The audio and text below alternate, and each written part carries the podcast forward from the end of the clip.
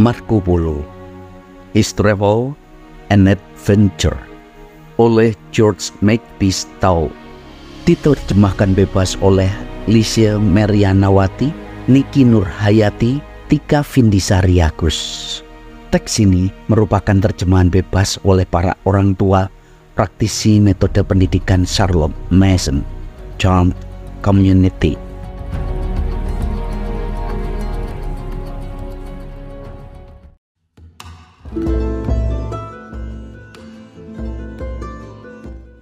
Marco akhirnya berada sekali lagi di tepi gurun besar dan mengunjungi sebuah kota kuno besar yang disebut Ezina atau kota hitam.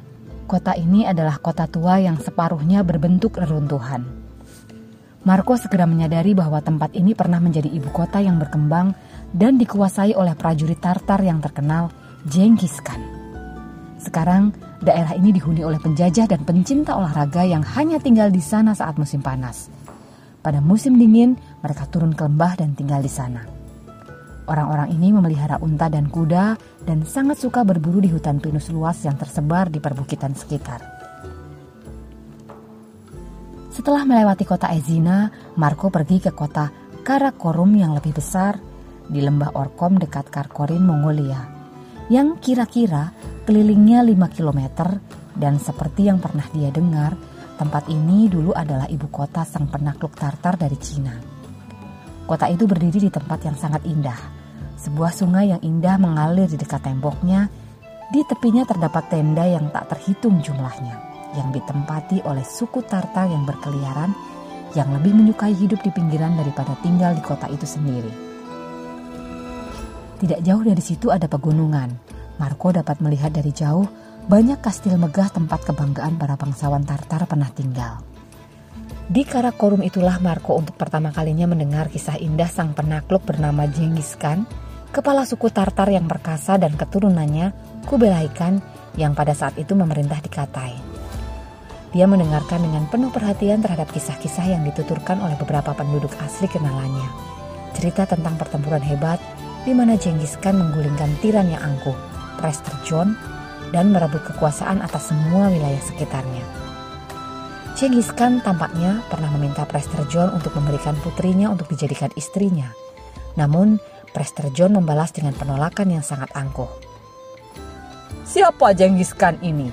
Prester John berseru. Ia hanyalah anjing dan budakku. Pergi dan beritahukan bahwa aku lebih memilih membakar putriku menjadi abu daripada memberikan kepadanya. Katakan padanya dia adalah anjing dan pengkhianat. Genghis Khan sangat marah ketika dia mendengar pesan yang menghina ini dan bersumpah bahwa dia akan merendahkan harga diri Prester John sampai menjadi debu. Dengan segera ia mengumpulkan pasukan besar Tartar dan mengirim pesan kepada Prester John untuk mempertahankan dirinya sebaik mungkin. Lalu Genghis menyerbu wilayah musuhnya dan di dataran tenduk yang indah berperang dengan pasukan Prester John dan itu adalah konflik yang mengerikan. Pertempuran berkecamuk hebat selama dua hari dan dimenangkan oleh sang penyerbu. Prester John tewas di wilayah kekuasaannya dan Genghis Khan menyerbu kerajaannya tanpa perlawanan berarti. Demikianlah kisah orang-orang Tartar menguasai seluruh Cina, dari gurun besar sampai laut timur, dan di mana-mana tempat Marco sekarang berada dapat terlihat sisa-sisa perang dan kemenangan mereka. Selama ekspedisinya, Marco melihat dan mendengar banyak hal menarik tentang orang Tartar.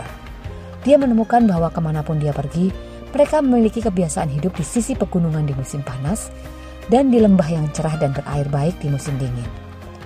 Mereka dapat memindahkan tempat tinggal mereka dengan mudah karena tenda yang mereka tinggali terbuat dari kain wol dan dapat dengan mudah dibawa dari satu tempat ke tempat lain karena sangat ringan. Mereka begitu percaya tahyul sehingga mereka selalu menempatkan pintu tenda ke arah selatan karena penempatan pintu ke arah lain adalah pertanda buruk. Orang-orang Tartar hanya berburu dan berperang. Istri mereka melakukan semua pekerjaan rumah, berdagang, juga mengolah ladang. Makanan mereka terutama dari susu dan hewan buruan yang mereka bawa dari hutan dan ladang. Meskipun terkadang Marco menemukan mereka juga makan daging unta dan anjing. Setiap pria Tartar memiliki banyak istri, tapi mereka selalu menjunjung tinggi istri yang pertama mereka nikahi. suami dan istri sangat setia satu sama lain, dan pernikahan selalu menjadi kesempatan berkumpul dan pesta besar-besaran. Setiap keluarga Tartar memiliki patung sembahannya sendiri yang dibuat dari kain, dan menurut Marco lebih mirip boneka yang aneh, berhala. Boneka sesembahan itu ditempatkan di sebuah ruangan kecil yang terpisah, dan di sampingnya ada boneka-boneka yang lebih kecil yang mewakili istri dan anak-anaknya. Sebelum keluarga itu makan, mereka mengolesi mulut patung itu dengan daging berlemak dan meletakkan beberapa potong roti di kakinya. Orang Tartar yang lebih kaya, menurut pengamatan Marco, seringnya mengenakan jubah sutra dengan pinggiran emas dan mantel yang terbuat dari bulu-bulu yang indah. Tiap prajurit memiliki tongkat, pedang, dan busur beserta anak panah, dan mereka sangat ahli menggunakan yang terakhir – Ketika mereka pergi berperang, mereka menggunakan jubah kulit kerbau tebal yang berfungsi sebagai baju perang. Pada suatu hari ketika Marco sedang dalam perjalanan, ia menerima pesan dari ayahnya yang mengatakan bahwa perang telah berakhir dan mendesaknya untuk segera kembali ke Campicion agar mereka dapat melanjutkan perjalanan mereka. Maka dia pun bergegas kembali dan begitu tiba, rombongan bersiap berangkat melanjutkan perjalanan. Mereka tertahan di Campicion sekitar hampir setahun. Tak heran jika mereka begitu lelah dengan perjalanan panjang ini. Dalam perjalanannya, para penjelajah melihat dampak dari perang yang ganas. Di beberapa tempat, seluruh desa rata dengan tanah. Di tempat lain, terlihat kota-kota yang terbakar separuhnya. Sungguh menunjukkan sifat keganasan perang. Akhirnya kini mereka dapat melihat kembali daerah yang menyenangkan dan berkembang ketika mereka berada di dataran indah Tenduk di Hulunbuir, Mongolia, Cina. Dulu tempat terjadinya pertempuran besar antara Genghis Khan dan Prester John. Di sini Marco terkejut mengetahui bahwa sebagian besar penduduknya adalah orang Kristen dan dia melihat sendiri bahwa mereka sangat rajin. Mereka adalah petani yang makmur dan perajin yang terampil. Ini adalah negara yang konon pernah diperintah oleh dua raksasa perkasa, bernama Gog dan Magog. Marco mendengar dengan gembira bahwa hanya beberapa hari perjalanan dari Tenduk, mereka akan sampai ke tempat di mana akhirnya matanya akan dipuaskan dengan melihat Kubilai Khan yang agung. Para pengembara akhirnya sampai di Katai, dan akhir pengembaraan panjang mereka kian dekat. Mereka telah mengetahui bahwa Kubilai Khan berada di istana musim panasnya di Sandu atau Sanadu sekarang Shangdu di bagian utara wilayah kekuasaannya. Dan karena itulah mereka melanjutkan perjalanan mereka ke sana. Nicolo tahu betul bahwa mereka akan disambut dengan hangat ketika mereka datang ke hadapan sang penguasa Tartar. Karena ketika berada di Katai sebelumnya, dia merasa sulit pergi meninggalkan istana Khan. Semakin mendekati tempat tujuan, orang-orang Venesia ini melewati wilayah negara yang semakin padat, kota-kota lebih besar dan lebih makmur, Sampai suatu pagi mereka tiba di sebuah tempat megah bernama Cianganor. Di sana terdapat istana megah dan taman luas milik Khan yang hanya ditempuh dalam tiga hari perjalanan dari Sandu. Nicolo memutuskan untuk tinggal di sini sampai dia mengirim utusan ke Kubilai Khan untuk memberitahukan kunjungan mereka dan menanti jawaban. Mereka tak perlu menunggu lama. Dalam seminggu utusan mereka telah kembali dengan iringan-iringan yang meriah yang begitu banyak yang dikirim oleh Khan untuk mengawal orang-orang Venesia ke istananya. Pada saat yang sama, Khan memberi kabar bahwa ia tak sabar menunggu kedatangan mereka. Tanpa membuang waktu, segeralah mereka berangkat menuju Shandu, jalan yang terbentang melalui wilayah yang penuh keramahan dan pemukiman yang padat. Pada hari ketiga, sekitar tengah hari, mereka tiba di dekat istana luas, tempat tinggalkan sementara, sebagai kediaman musim panasnya dan di luarnya terbentang berkilo-kilometer tempat berburu karena akan menikmati kegiatan berburu yang menantang. Ketika para pengembara ini mendekat, mereka melihat banyak sekali penunggang kuda datang ke arah mereka. Dan segera salah satu pengawal mereka berseru bahwa Kan sendiri ada di sana. Marco dengan semangat memfokuskan matanya ke arah orang-orang yang datang mendekat.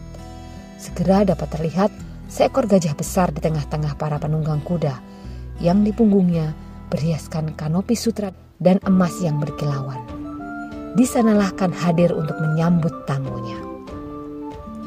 Begitu jarak semakin dekat, kan turun dari gajahnya. Begitu pula Polo dan rombongan mereka melompat dari kuda mereka. Nicolo, Mafeo dan Marco maju ke arah raja dengan kepala tertunduk dan menjatuhkan diri di kakinya sebagai penghormatan. Kubilai dengan lembut mengangkat saudara-saudara itu dan dengan hangat memeluk satu dan kemudian yang lain. Orang Venesia yang baik, katanya. Saya sangat senang melihat kalian. Selamat datang kembali di Katai. Kalian telah menepati janji untuk berkunjung kembali, dan saya berterima kasih kepada kalian semua. Tapi siapa dia? Dia bertanya menoleh ke arah Marco. Siapa anak muda ini? Tuan, jawab Nicolo. Dia adalah pelayan engkau yang mulia. Dia adalah anakku. Kan memandang Marco dari kepala sampai kaki dan maju ke arahnya. Tersenyum sangat ramah. Kalau begitu, katanya, putramu juga diterima. Aku sangat senang dengannya.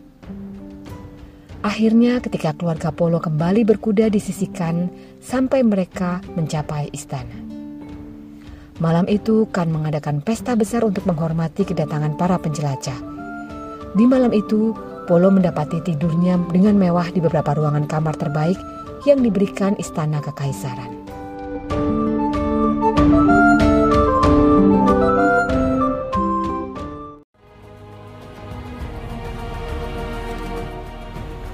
Bagaimana? Menarik bukan? Selamat mengikuti.